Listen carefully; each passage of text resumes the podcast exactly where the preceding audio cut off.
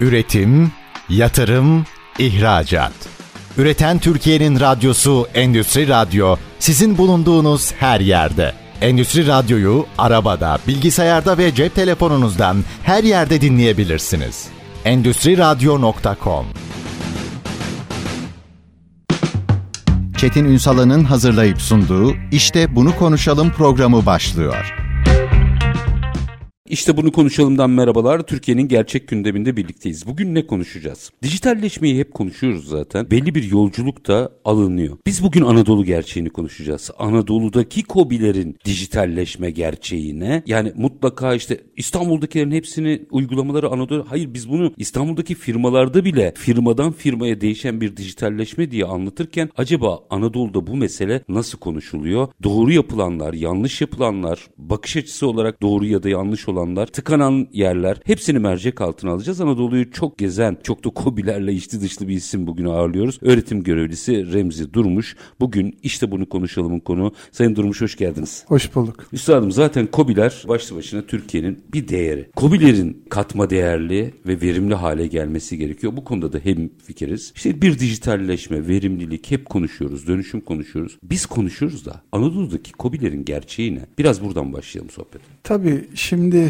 Anadolu dediğimiz zaman biraz geriden geliyor. Tamam. Yani hani bir Marmara bölgesi gibi Hı. değil. Yani bu anlamda biraz geriden geliyor. Zaten Türkiye'de yıllık toplanan vergiler hangi il ne kadar topladı diye baktığınız zaman istatistiklere bunu hani net bir şekilde de görebiliyorsunuz. Marmara açık ara önde. Kesinlikle. Bu aslında biraz da şeyle ilgili. Bilginin, teknolojinin nerede daha çok gelişiyorsa, ulaşım ağlarında e, neresi daha ulaşım ağlarına yakınsa, ham maddeye yakınsa orası ister istemez biraz daha ön plana geçiyor. Şimdi Anadolu dediğimiz zaman yani üzülerek söylüyorum ki maalesef hani istediğimiz noktanın bir hayli hayli gerisinde. Ben bazen öyle kobilere denk geldim ki bir ürünü, bir ham maddeyi ya da bir paydaştan bir tedarik ettiği zaman, edeceği zaman bilgisayar kullanmadan ya da bir Excel kullanmadan bakın çok dijitalden bahsetmiyorum daha temel şeylerden bahsediyorum. Kullanmadan direkt telefonla görüşerek şey yapmaya çalışıyor. Diğer bir kobiden. Ben hatta bazen dijitalleşen kobilerle konuştuğum zaman zaten hep şu sıkıntıyla karşılaştıklarını gördüm. Ya hani tamam tamam da peki biz kendi Anadolu'daki müşterilerimizi nasıl hani buna şey yapacağız, entegre Adapte edeceğiz. edeceğiz. Kesinlikle. Hani ben bazen diyorum ki ya e, sisteminizin arka planına müşteri, web sitenizin arka planına bir müşteri bloğu tamamlayın. O siparişlerini vesaire oradan girsin. Ne kadar ürün istiyor, bunların ebatları, boyları vesaire.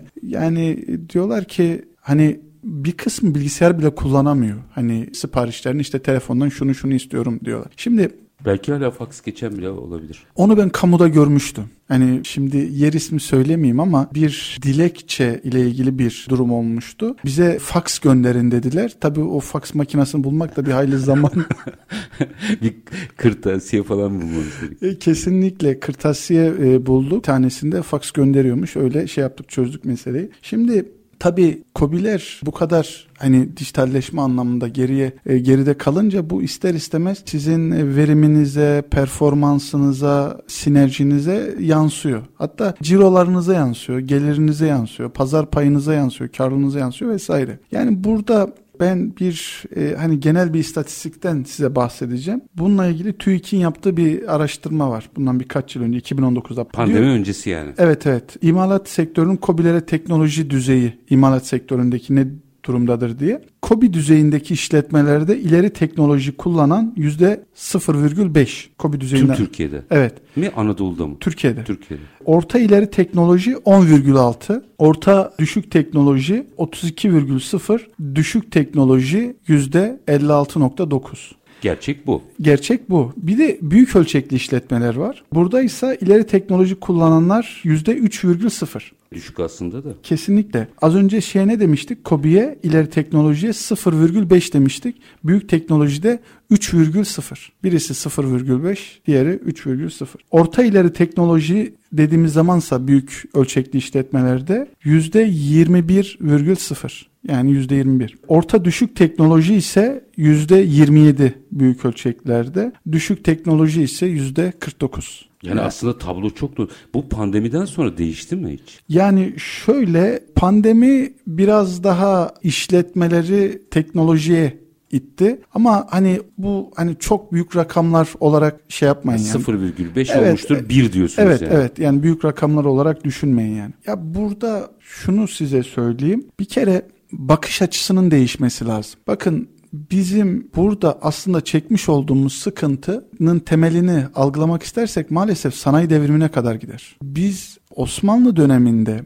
sanayileşemediğimiz için o zinciri kıramadığımız için bugün bunun bedelini biz sosyal yaşamımızda ödüyoruz, kültürel yaşamımızda ödüyoruz, ekonomik yaşamımızda ödüyoruz. iş yapma şeklimizde bu iş yapma şeklinin performansının ne kadar düşük olduğu bunlarda ödüyoruz vesaire. Üçüncü ee, sanayi devriminden bahsediyorsunuz değil mi? Ya, Üçüncü sanayi devriminin kaçırılmış olmasından bahsediyorsunuz. Yok birinci sanayi devrimi. Ha, o kadar. Daha temel, daha temel. O Çünkü, zaman Osmanlı'dan daha da arkaya gider. Ya şöyle hani orada benim hani bahsetmek istediğim 1700'ler. Hani 1785'te birinci sanayi devriminin ilan edilmesi. Şimdi ya burada şöyle bir şey var. Yani toplumlar bir gecede değişim, dönüşüm içerisine girmezler. Ama ne olur? Bir süreç başlar, bir adım başlar. Bugün baktığımız zaman yapılması gereken aslında çok şey var. Yani orada bir şey bir dakika evet. şimdi ona takıldım açmam lazım. Evet. Şimdi 3. sanayi devrimini hayal ediyordum ben. Yani en azından bilgisayarlaşma olmuştur diye düşünmüştüm ama siz daha birincisine kadar gittiniz. Ama mesela orada da garip bir şey var. Bunu sorayım yanıtını geldikten sonra alacağım. Ya 1100 1200'lü yıllarda da e, bu ülkenin topraklarından dünyanın çok ötesinde bilim çıkmış. E, işte yani belki de o zamanın sanayi devrimi bu topraklar yapmış. Şimdi orada bir çelişki ortaya çıkıyor. Bu çelişkiyi de o zaman konuşalım. Madem geriye doğru gittik menfi yönümüz kadar müspet yönümüzü de konuşalım. Bir yerde bir şeyler kırılmış olmalı. Onu açalım ama minik bir araya gidelim. Aranın ardından konuşacağız bunu. Efendim öğretim görevlisi Remzi Durmuş bizlerle birlikte. Hep dijitalleşmeyi konuşuyoruz. Biz Anadolu'daki KOBİ'nin dijitalleşme gerçeği ne sorusunun yanıtına düştük. E, yanıtının peşine düştük. Kısa bir ara aranın ardından işte bunu konuşalım diyeceğiz. Lütfen bize bizden ayrılmayın. Üretim, yatırım, ihracat. Üreten Türkiye'nin radyosu Endüstri Radyo sizin bulunduğunuz her yerde. Endüstri Radyo'yu arabada, bilgisayarda ve cep telefonunuzdan her yerde dinleyebilirsiniz. Endüstri Radyo.com aranın ardından işte bunu konuşalım demeye devam ediyoruz. Konuğumuz öğretim görevlisi Remzi Durmuş. Anadolu'daki KOBİ'nin dijitalleşme gerçeği ne diye mercek altına alıyoruz. Aslında bir yere girdik. Dedik ki bizim sanayi devrimini kaçırmış olmamız bugüne kadar yansıyan belki de sorunlarımızın temelini oluşturuyor. Ama ben de orada dedim ki ya bir tık öncesine gidin. Yani 1100'ler 1200'ler bu coğrafyanın Anadolu'nun yine bizlerin üstelik bizim insanlarımızın dünyaya bilim yaydığı yerler. Nerede ne kırıldı o zaman? Biz Aynı matematiği bugün de kurabiliriz. Hadi buradan başlayalım. Şimdi şöyle ifade edeyim. Keşke Fatih gibi birkaç tane daha lider olsaydı diye düşünüyorum. Benim şahsi kanaatim. Çünkü toplumları yönlendirenler liderlerdir aslında baktığımız zaman. Yani dediğiniz gibi bu coğrafya özellikle antik çağda birçok felsefeciyi yetiştirmiştir. Sokratesleri yetiştirmiştir bu coğrafya. Dediğiniz gibi ne oldu da daha sonra... Yani ibn Sina'lar, Piri Reisler bunlar hala kendi alanında böyle tap üstadlar olarak ismi geçen kişiler. Bilime asıl yatırım Fatih döneminde e, yapıldı. O dönemki işte sosyal bilimler liselerinin kurulması gibi. Daha sonraki süreçte de keşke bu tür bilimsel çalışmalar devam etseydi. İnanıyorum ki Anadolu çok farklı bir Anadolu olurdu. Çok gelişmiş bir Anadolu olurdu. Ama maalesef ki o bilimsel çalışmalar ağırlıklı olarak Fatih'ten sonra devam etmiyor Tabii genel anlamda. Sanayi, sanayi devriminde bir şeyi de göz ardı etmeyelim, haksızlık yapmayalım. Orada ekonomik kırılma oluyor. Ya o döneme kadar ganimet ekonomisi ekonominin temel bileşeni veya gidir. Sonrasında aa bir dakika üreterek bir dünyaya doğru giriliyor.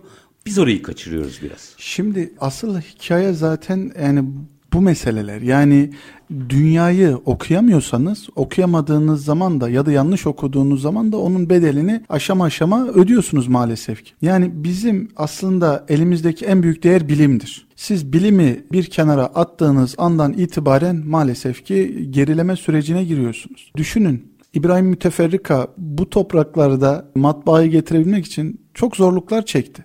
Takıyüttin'in rasathanesi var oraya gelene kadar. Öyle. Dünyanın iki numara. Bugün uzayda biz olabilirdik Öyle. yani. O rasathane sonra işte e, havaya uçuruluyor. Yani o dönemde bir veba hastalığı baş gösteriyor. Bu veba hastalığının nedenini de oradaki rasathaneye bağlıyorlar. Yani biz Allah'ı gözlemlediğimiz için bu hastalık bize Gibi geldi gibi diye. tevatür. Evet. Hiç Yani bu tür şeyler var. girmeyin çünkü Evet. gerekçeleri uydurma gerekçeler. Evet yani bu tür dediğiniz gibi söylenen e, söylentiler var ve bu, bu bunların bu tür şeylerin işte devam etmesi, yeterince bilime yatırım yapılmaması bütün bunlar maalesef ki şey yapıyor. Yani Bizim bu tetikliyor. kodu bozmamız gerekiyor anladığım kadarıyla. Çünkü çok çabuk adapte olabilen bir toplumuz. Fakat ilk önce fotoğrafı çekmeye devam edelim. Hadi yine bugüne geldim.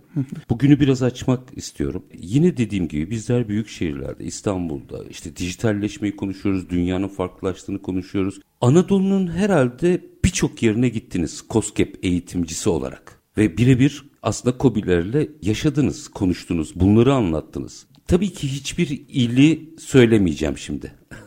Ama en azından toplamda baktığınızda ortalamada yaklaşım, meseleyi algılaması, hatta bence dijitalleşme diye sınırlandırmayalım. Bunun da bir parçası olan sürdürülebilirlik ve benzeri kavramları da ortaya koyduğumuzda orada yaşadıklarınızdan biraz çıkarımlar belki bizle paylaşmanız daha sağlıklı olacak. Şimdi sadece o- COSGAP çok anlatmaya çalışıyorum Evet, çünkü bunları evet. yıllardır. Sadece COSGAP bazında verdiğim eğitimler değil, dilerseniz bunu biraz daha genişleteyim. Yıllarca Anadolu'da girişimcilikle ilgili seminerler de verdim. Doğru. Farklı şehirlerinde, üniversite, ticaret, sanayi odaları vesaire. Şimdi ya şunu gözlemleyebiliyorsunuz özellikle bu eğitimlerde. Örnek vereyim. Mesela diyelim ki bir markalaşma, pazarlama ile ilgili eğitim kapsamında bir şey yapıyorsun. e, Bir bilgi karşı tarafa aktarıyorsunuz. Öyle olunca şimdi karşı taraftan hani bunun çok gerekli olmadığını karşı taraf düşünebiliyor. Girişimci adayı ya, ya benim param olsa her şeyi yaparım düşüncesi var bir kere. Yani bunu açıkça ifade etmek Dakika lazım. bir gol bir. Evet yani benim param olsa her şey yaparım düşüncesi var. Yani ben hep şunu söylüyorum. Peki müşteriyi buraya nasıl çekeceksin? Hani tamam param var açtın. Bak bakın diyorum ki parayla bir işletme açarsın ama bu işletmenin sürdürülebilirliğini sağlayacağın anlamına gelmez. Para sadece fiziki anlamda bir sana ortam sağlar. Oraya artık ne alacaksan onları sağlar sana. Ama o işletmenin sürdürülebilirliğini sağlamaz. İşletme dediğiniz bir vizyondur. İşletme dediğiniz bir stratejidir. İşletme dediğiniz bir ürün satmazsınız. Bir hayali satarsınız. Bir umudu satarsınız. Siz gidip bir örnek vermek gerekirse deterjan aldığınız zaman aslında deterjan almış olmuyorsunuz. Siz bir sağlık satın almış oluyorsunuz. Temizlik satın almış oluyorsunuz. Hijyen satın almış oluyorsunuz. Ya da daha uç bir örnek vereyim. Siz gidip bir ilaç aldığınız zaman aslında ilaç almış olmuyorsunuz. Sadece sağlıklı olacağınızın düşüncesini satın almış oluyorsunuz. Yani o ümidi satın almış oluyorsunuz. Ee, üründen çok bu mantığa odaklanmaları lazım Kesinlikle diyorsunuz. öyle. Doğru kesin, anladım değil mi? kesinlikle öyle. Şimdi bunu yani anlatmakta özellikle güçlük çekiyorduk. Çünkü yani ben param olursa her şeyi yaparım. Yani buraya bir dükkan açayım olur vesaire. Ya ama yani öyle olmuyor maalesef. Yani birçok girişimci adayı pazarlama nedir, finans yönetimi, efendime söyleyeyim inovasyon, üretim geliştirme, ham madde tedariği, ondan sonra işletmenin yönetimi gibi kavramları birçoğunu aslında bu eğitimlerde öğrendi. Şimdi çok değişik tabii hikayeler var. İsim vermeden paylaşabileceğiniz Tabii var tabii. mı? örnek? Ya mesela bir ev hanımı bir gün gelmişti. Ne Girişimci yapacak? olmak için Evet şey evet evet evet. Hı. Ne ne yapacaksın dedim. Dedi ki lokanta açacağım dedi. İyi güzel. Peki neden lokanta dedim. Dedi ki ya yemek yapmayı biliyorum. Tamam. Bu da makul. Peki dedim senin yemek yapmayı bilmen ya da ev, evde eşinin, çocuklarının o yemekleri tüketmesi müşterinin tüketeceği anlamına gelir mi? Tabii ki gelmez. Evet. Ondan sonra şimdi tabii öyle söyleyince e, düşünüyor. Dedim ki peki nasıl markalaşmayı düşünüyorsun? Marka stratejin ne olacak? Çünkü ben hani buraya bir lokanta açtım. Yani yemek satacağım dersen bu çok sürdürülebilir olmaz. Onun dışında başka bir şeyler, başka ümitler, hayaller, strateji geliştirmen lazım. Onu satman lazım. Var mı öyle bir strateji? Yok ne gerek var diyor. Ondan sonra peki Şey örnek vereyim mesela annenizin evi derler değil mi? Bu Evet, bile bir bakış açısı. Evet evet kesinlikle. İlla öyle global marka olmanıza gerek yok, yani. Kesinlikle yok. Ee, Tabelaya ne yazdığınız önemli. Kesinlikle. Ya o tabela demişken yani şunu da ekleyeyim. Söylüyordum. Yani şöyle söyleyeyim ki %90-95'i marka tescilinin ne olduğunu bilmiyordu. Yani bunu gözlemledim. Hani bu fotoğrafı çekmek lazım ki bugün Kobiler niye bu halde daha iyi an- ne, analiz yap- edelim. ne yapmamız lazım diye de soracağım çünkü. Kesinlikle. Yani birçoğu marka tescili nedir, ne değildir, nasıl yapılır, hangi kuruma başvurulur, marka tescili neden önemlidir? Bunlarla ilgili bir şeyleri yoktu. Bir backgroundlar, bilgileri yoktu. Tabii şimdi genel işletmeye dair bilgiler nasıl oluyor? Şimdi çevrenize bakıyorsunuz. Bakkal var, kasap var, manav var. Or- oraya bakıyorsunuz. işte işletmeye e, birileri giriyor, çıkıyor, satış oluyor vesaire. Yani genel olarak bilgileriniz bununla şey oluyor. Yani genel anlamda söylüyorum. Sınırlı oluyor. Ama eğer siz sürdürülebilir bir şey yapmak istiyorsanız bir kere bu işin markalaşma sürecini bilmeniz lazım. Stratejisini bilmeniz lazım. Üretim planlamanızın olması lazım. Sağlıklı bir finans yönetiminizin olması lazım. Bakın finansla ilgili de şunu söyleyeyim. Hatalı bir bakış açısı var. Siz sanki bugün işletmeyi kurdunuz, yarın satış yapacaksınız. Bu yanlış bakış açısı. Ve size şunu söyleyeyim. İşletmelerin birçoğu bu yüzden batıyor biliyor musunuz? Çünkü belli bir sermayesi var. 300-500 neyse artık. Onu da dekorasyona yarısını Dekorasyona işte ham madde tedariğine ya da ürün tedariğine alıyor dükkana koyuyor. Güzel dükkanda güzel oldu eyvallah. Peki müşteri sana gelmese kaç ay idare edebilirsin? Yani bu- bununla ilgili bir bilgi veremiyor. Çünkü diyor ki ben yapsam satarım diyor. Yani ya dedim ki yani bu dediğin olurdu ama şöyle olsaydı. Taş devrinde yaşasaydık ve tek dükkan seninki olsaydı olurdu. İlla gelecekti birine. Evet. Ama dedim hani senin yaptığın bu iş yani iki dükkan ötesi ya da üç dükkan ya da beş dükkan, dükkan ötesi başka birisi de yapıyor yani. Hani neden sen? Yani müşteri sana niye gelsin? Bak dedim sana şöyle bir şey söyleyeyim. Şimdi girişimcilikte şöyle bir şey vardır. İlk iki yıl ölüm vadisidir. Girişimcilikte bu kavram geçer. Nedir bu ölüm vadisi? O iki yıl boyunca sen müşteriyi tanırsın, müşteri seni tanır, bir güven algısı oluşur, bir strateji geliştirirsin, işi büyütmeye çalışırsın vesaire. Zaten o iki yıl genelde başa baş noktası diye geçer girişimcilikte. Yani borçlardan kurtulduğun ve sıfır noktasına geldiğin şeydir. Yani üç aşağı beş yukarı kendi kendini çevirir aşağı yukarı iki yıl. Peki ortalama söyleyeyim dedim. iki yıl boyunca seni ayakta tutacak bir sermayen var mı? Yok. Şimdi e, bunun planlamasını yapmamış. Peki dedim yarın bu işletme olmayınca bir çıkış stratejin var mı? Yani kapatma stratejisi. Evet evet o da yok. Çünkü o da borç borçsuz harçsız kapatman lazım. Evet evet yani o da yok. Çünkü ya siz şöyle söyleyeyim. Sıfırın altına indiğiniz zaman siz kendinizin, çocuğunuzun, torununuzun geleceğinden yiyorsunuz aslında. Sıfırın altına inmeye başladığınız andan itibaren. Bununla ilgili bir şeyiniz var mı, planınız var mı? Onunla ilgili bir planı da yok, strateji yok. E şimdi yani baktığınız zaman genel profilde bu bakış açıları genelde mikro ya da küçük ölçekli işletmeleri oluşturuyor. Ve bunlar da günün sonunda Türkiye'deki KOBİ'lerin genel profilini oluşturuyor. Bir tık yukarı çıkacağım. Obilerde durum ne? Bir de onu konuşalım. Ama minik bir araya gideyim. Aranın ardından konuşacağız. Hatta bir soru sorarak da şey yapayım. İlk önce bu sorunun yanıtını vereyim sonra Obilere bakalım. Şimdi Türkiye'nin ismini vermeyeceğim. En büyük iki holdingi Anadolu'dan çıkma. Biri Ankara, biri Adana. E ne oldu diyeceğim. Aranın ardından alacağım yanıtına. Öğretim görevlisi Remzi Durmuş'la Anadolu'daki KOBİ'nin dijitalleşme gerçeğini konuşuyoruz. Aslında gerçeğini konuşuyoruz. Kısa bir ara. Lütfen bizden ayrılmayın. Üretim, yatırım, ihracat. Üreten Türkiye'nin radyosu Endüstri Radyo sizin bulunduğunuz her yerde. Endüstri Radyo'yu arabada, bilgisayarda ve cep telefonunuzdan her yerde dinleyebilirsiniz. Endüstri Radyo.com Kısa bir aranın ardından işte bunu konuşalım demeye devam ediyoruz efendim. Konumuz öğretim görevlisi Remzi Durmuş. Anadolu'daki KOBİ'lerin dijitalleşme gerçeği ne diye konuştuk. Aslında Anadolu'daki KOBİ gerçeğini mercek altına alıyoruz. Çünkü şu bir gerçek ki Anadolu'yu kalkındırmadan Türkiye'yi kalkındırabilmemiz mümkün değil. O zaman ne yapmak lazım sorusunu da soracağım ama iki tane sorun var. İlk önce onların yanıtını alayım. Bunlardan birincisi çok küçükleri konuştuk. Oradan tespitlerle yani KOBİ'lerin K'sini konuştuk. OBİ'lerde durum ne diye soracağım. Ama ondan önce şu soruyu giderken yöneltmiştim. Ya Türkiye'nin en büyük iki holdingi şu anda devasa. Hepsine de buradan selam olsun. Çok emekleri var. Ama biri Ankara biri Adana çıkışlı. Peki ne oldu? Şimdi şöyle söyleyeyim. Şuna bakmak lazım. Bunlar kaç bin tane işletme açıldı kapandı ve bunlar kaç bin taneden bir tane iki tane diyoruz. Kaç bin işletme açıldı kapandı Türkiye'de. Bunlardan belki 10 binde bir belki 100 binde bir. Örnek veriyor. Yani aslında burada biraz da şeye bakmak lazım. Yani genele bakmak lazım. Ya şöyle yani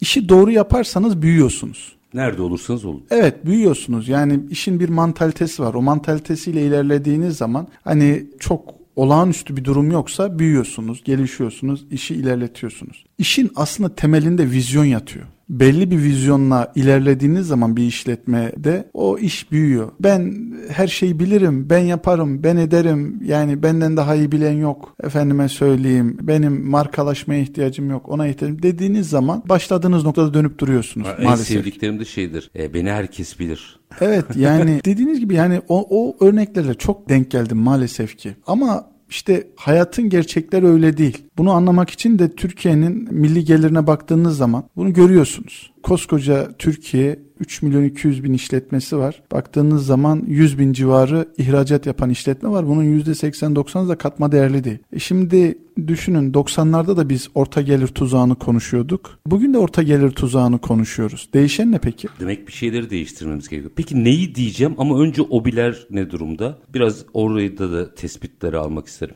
Anadolu'dan. Ya şöyle söyleyeyim. Belki bir örnekle yine oradaki eğitimlerden. Şimdi şöyle söyleyeyim. İşletmelerde, eğitimlerde hep ben şunu gördüm. Klasik bakış açısı. Nereye giderseniz gidin işletmeler 3 aşağı 5 yukarı Anadolu'da aynı oluyor. Çünkü kültürler birbirini şey yapıyor. Tetikliyorlar, birbirlerini etkiliyorlar. Ama inanıyorum ki hani geleceğe dönük baktığımız zaman inanıyorum ki özellikle bu gelişen teknolojiler, gelişen kültür. Artık dünya biliyorsunuz yani büyük bir köy. E bütün bunlardan işletmeler de bir şekilde etkileniyor. Şimdi ama hani özellikle şimdi hani dijitalleşmeyi gündemliyoruz. Şimdi hani bu bağlamda baktığımız zaman birileri maalesef ki canı yanacak. Çünkü birileri dijitalleşirken birileri aman canım yani ne gerek var ya da sonra bakarız diyecekler. O verim kaybını görecek. Yani bu canı yanacak yani performans kaybını görecek. E çünkü dijitalleşemediğiniz zaman ne aldınız, e, ne kadarını işlenebildi, ne kadarı işlenemedi, atık oldu vesaire. Bunları şey yapamıyorsunuz, kontrol edemiyorsunuz. Yani birçok şeyi kontrol edemiyorsunuz dijitalleşemediğiniz zaman. E şimdi bunların biraz da hani şey yapacak yani canı yanacak. Yani benim öngörüm biraz da yani düşüncem daha doğrusu şu. Girişimci temelden eğitmek lazım. Şimdi siz bir pazarlama nedir? Markalaşma nedir? Efendime söyleyeyim bir iş nasıl büyür? Nasıl ihracat yaparsınız?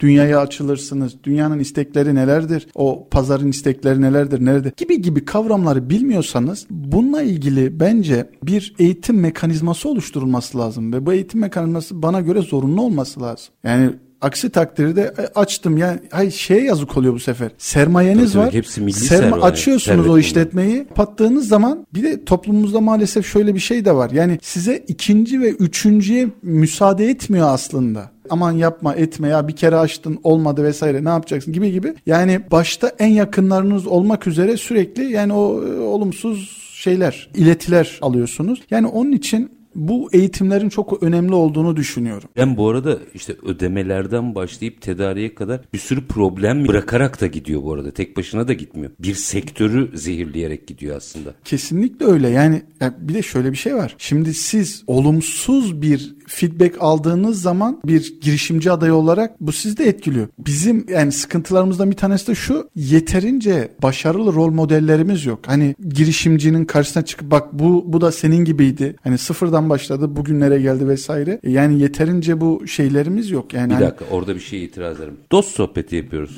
o yüzden kırılmaca gücenmece yok. Şimdi böyle bir örneği çıkarttığınızda da ben buna çok şahit oldum. Salondakilerin en az yarısı kazandığı parayla ilgileniyor. Parayı nasıl kazandığıyla ilgilenmiyor. Biz parayı nasıl kazandığıyla nasıl ilgilendirtiriz? Ya şimdi şöyle bir şey var. Yani Hocam daha net sorayım. Aynı OSB'nin içinde il ismi vermeyeceğim. Bir tanesi NASA'ya parça üretirken öbürü nasıl iç piyasaya bile satışta zorlanıyor. Ben de o zaman şunu söyleyeyim. Her şey burada bir vizyonla başlıyor. Siz gidin o NASA'ya parça üreten insanın, girişimcinin bir vizyonuna bakın. Bir de gidin o diğer girişimcinin vizyonuna bakın. Şunu göreceksiniz. Bakın ben Anadolu'nun birçok şehrine gittim ama hep benzer örnekleri gördüm. Birisi küçük olsun benim olsun. Böyle şey yapayım. Gerek yok başka bir şeye. Diğeri de daha iyisini nasıl yapabilirim? Daha büyük markalarla neler yapabilirim? Hedefi bu. Yani sorduğunuz soru kaderinizi belirliyor aslında. Öyle yani hani kaderinizi belirliyor. Yani onun için o işletmeleri diyorum ya hep yönetenler vizyondur. Yani sizin bir girişimci olarak bir ileriye dönük bir vizyonunuz, bir hedefiniz yoksa ancak orada küçük ölçekli bir esnaf olarak kalıyorsunuz. Bakın burada hani küçük ölçekli esnaf derken yani esnaflarımızı şey yapmak anlamında söylemiyorum. Hepimizin başımızın üstünde yeri var. Ama bu esnaflarımızın da artık büyümesi lazım. Dünyaya açılması lazım. Çünkü onların atacağı adımlar bu ülkenin kaderini belirleyecektir. Onların alın terinin üzerinde bu ülkenin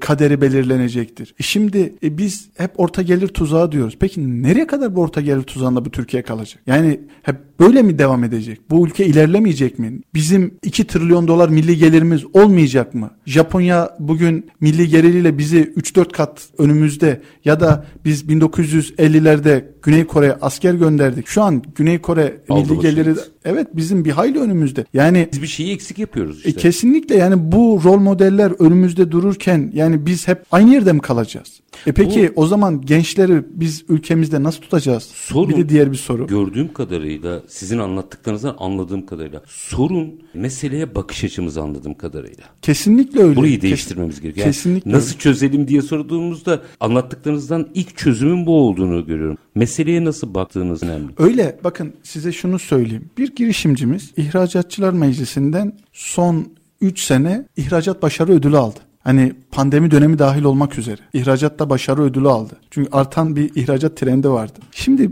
bunları ben gördüğüm zaman o kadar mutlu oluyorum ki. Çok çok mutlu oluyorum. Çünkü niye? O aslında mesele sadece yaptığı bir ihracat değil. Bu ülkenin geleceğine yaptığı bir yatırımdır. Bakın sizin yurt dışınızdaki en büyük büyük elçileriniz kimdir biliyor musunuz? Devletin atadıkları değil. Sizin iş adamlarınızdır. iş adamlarıdır. Çünkü bu insanlar gidiyorlar oralara yatırım yapıyorlar. Efendime söyleyeyim insanları orada istihdam ediyorlar. En büyük şeylerdir onlar. Buradan oraya satışlar gerçekleşiyor vesaire. Yani onun için burada yani belki gerek Ticaret Bakanlığımızın gerekse ticaret odalarımızın Bunların belki belli bir programlar kapsamında çalışmalar yürütmesi lazım. Yani bizde atıyorum kaç tane diyelim X şehrinde işletme var şu kadar. E bunların kaç tanesinin ihracat potansiyeli olabilir? Şu kadarını. E yapıyor mu? E yapmıyor. Bunu çağıracaksınız. Gel kardeşim diyeceksin. Sen niye ihracat yapmıyorsun? Ne eksiğin var? Ne yani ihracat yapmamamın nedeni ne? Onunla ilgili bir program çıkartacaksın. Bunlar özellikle Ticaret Bakanlığı'nın bence ya da Sanayi Bakanlığı'nın eğer imalat sektörünüz kontrol altında olması lazım. Yurt dışına gidemiyor mu? Orada kimle bağlantı kuracağım? O olacak, bu mu olacak diyor. O zaman ne yapacaksınız? B2B programları yapacaksınız. Direkt götüreceksiniz. X, Y, Z ülkesine götüreceksiniz. Diyeceksiniz bak bu Türk girişimci bunu bunu üretiyor. İşte aha, yabancı alıcı da bu. Yani bizim Jetra, Ketra, e, Kotra gibi yani Kore'nin Kotrası, Japonların Jetrası gibi bir tetra kurmamız gerekiyor anladığım kadarıyla. Kesinlikle öyle. Bakın az önce hani şu cümlemi de tamamlayayım. 3 sene üst üste ticarette başarı ödülü aldı. Allah inşallah nice 3 seneler nasip eder. Çünkü bunlar bunlar görünce bir çocuk edasıyla seviniyorum. Çünkü bunlar ülkenin geleceğine yapılan yer. Şimdi ama şunu da yapıyor.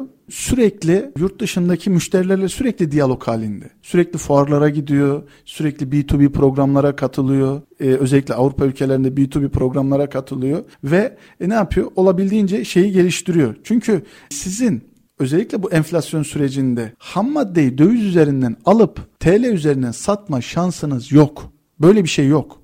Yani onun için sizin mutlaka yurt dışına açılmanız gerekiyor. İnanıyorum ki şu an yani bizi dinleyen birçok girişimcimizin en büyük sıkıntıların bir tanesinin bu olduğunu düşünüyorum. Döviz üzerinden al. Çünkü birçok sektörde e, ister istemez ham madde yurt dışından geliyor. E bunu siz işliyorsunuz. TL üzerinden satacaksınız. E çok yüksek rakamlarla satmak zorunda kalıyorsunuz bir kısım şeyleri. E marka değilsiniz. E marka olmayınca e bu sefer şeyi istediğiniz gibi o rakamlarla oynayamıyorsunuz istediğiniz gibi. Yani artı belki de son kullanıcıya hitap etmiyorsunuz. Yani döviz gider varsa döviz gelir elde etmen lazım. E kesinlikle öyle olmayınca bu sefer ne oluyor? İşletmeye çok tutunamıyor.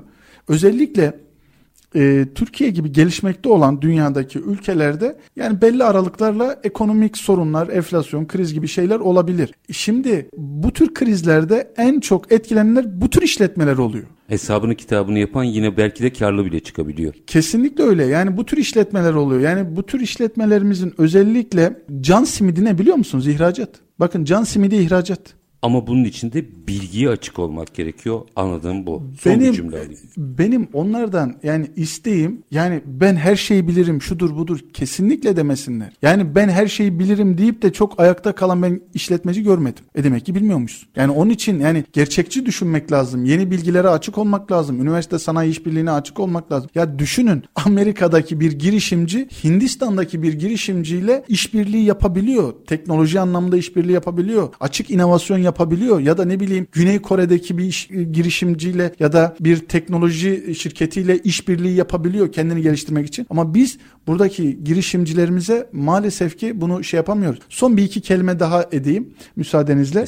Aynı şeyi sürdürülebilirlikte de yaşıyoruz. Bakın Avrupa Birliği bir iki sene içerisinde şu an şeylere başladı, çalışmalarına başladı. Sürdürülebilir olmayan şirketler Satamayacak. mal satamayacaklar. Sınırda rekabet edemeyecek. yani rekabet edemeyecekler. Sınırda ekstradan vergiye maruz kalacaklar. Bakın Çevre Şehircilik Bakanlığı kendi altında daire başkanlığı kurdu. Karbon vergisi diye. Karbon vergisi alınacak işletmelerden. Bunları göreceksiniz yani çok uzun olmayan zamanda göreceksiniz bunlar. Yani şu an çalışmaları yapılıyor. Bu sadece Türkiye'ye has bir şey değil yani. Aynı zamanda Avrupa dışındaki diğer ülkelerden de bunlar isteniyor. E şimdi bizim şu an ihracatımızın %40, %50'si kobilerimizin Avrupa Birliği'ne oluyor. Peki ben size sorayım. Avrupa Birliği yarın kardeşim ben senden vergi istiyorum dediği zaman buradaki rekabet kaybını işletme uğradığı zaman ne olacak? Ya da son olarak şu örneği de vereyim. Almanya 1 Ocak 2023'ten itibaren çalışmasına başladı başladı. Dedi ki 1 Ocak'tan itibaren 2000, 1 Ocak 2023'ten itibaren Almanya'da kurulu olan ve 3000 çalışanı olan işletmeler buna dikkat etmek zorunda. Bu kurallara dikkat etmek zorunda. Paydaşları da dahil olmak üzere. Bakın paydaş mesela o siz işte, evet evet tedarikçisiniz. Yani ve bunu 1 Ocak yani 15-20 gün sonra 1 Ocak 2024'ten itibaren ise 3000 kişilik işletmeyi 1000 kişiye düşürüyor. Çember e nasıl rekabet ya kesinlikle öyle. Ya onun için bunlara şey olmak lazım. Yani sadece yani nasıl diyeyim mış gibi yapmamak lazım. Bence bu manşetle bitirelim. Sayın Remzi Durmuş çok çok teşekkür ediyorum. Dinlemek gerekiyor. Daha çok algılamak gerekiyor. İşte hakkını teslim edeyim. COSGAP temiz 10-15 yıldır bunları bütün dokümanlarıyla her şeyiyle anlatıyor. Biraz daha COSGAP'ten ne teşvik kullanırım demek yerine o anlattıklarına kulak kabartmak gerekiyor. Son bir cümle. COSGAP demişken şunu da ekleyeyim. COSGAP'in yeni bir destek çıktı. Sürdürülebilirlikle ilgili 4 milyon liraya kadar bir e, desteği var. Yeşil dönüşüm onu da hani girişimcilerimizin COSGAP'in sayfasına girerek orada bir kontrol etmelerine eğer kendilerine uygunsa başvurmalarını tavsiye ederim. Yüreğinize sağlık. Tabii yine aynı yere geliyor. 4 milyona değil ben nasıl dönüşebilirim? Bak kaynak da vara odaklanmak gerekiyor. Sayın Remzi Durmuş çok çok teşekkür ediyorum. Biz bu fotoğrafı çekmek durumundayız. Çünkü bazen İstanbul'dan her şeyi konuştuğumuzda sanki herkes İstanbul'da yaşıyormuş gibi davranıyoruz. Oysa yine diyelim bu çok artık klişe oldu ama Türkiye'nin gerçeği bu. Anadolu kalkınmadan Türkiye kalkınmaz. Bu potansiyel var. Birazcık daha bilgiye açık olalım. Rahmetli eşimin anneannesi çok güzel bir şey söylerdi. 80 küsur yaşında vefat etti. Bilge de bir kadındı. Bir şey duyardı ve şu lafı söylerdi. Ben aklımın manşetine yazdığım bir laftır. Dün ölseydim bunu öğrenemeyecektim. Bence bunda herkes kendi düşüncesini tartsın ve analiz etsin. Öğretim görevlisi Remzi Durmuş. Çok çok teşekkür ediyorum efendim. Sağ olun. Ben teşekkür ederim. Var olun. Efendim biz bugün Anadolu'daki COBİ'nin dijitalleşme gerçeğini konuştuk. Konuğumuz öğretim görevlisi Remzi Durmuş'tu. Biz her zamanki gibi bitirelim. İşinizi konuşun, işinizle konuşun. Sonra gelin işte bunu konuşalım. Hoşçakalın efendim.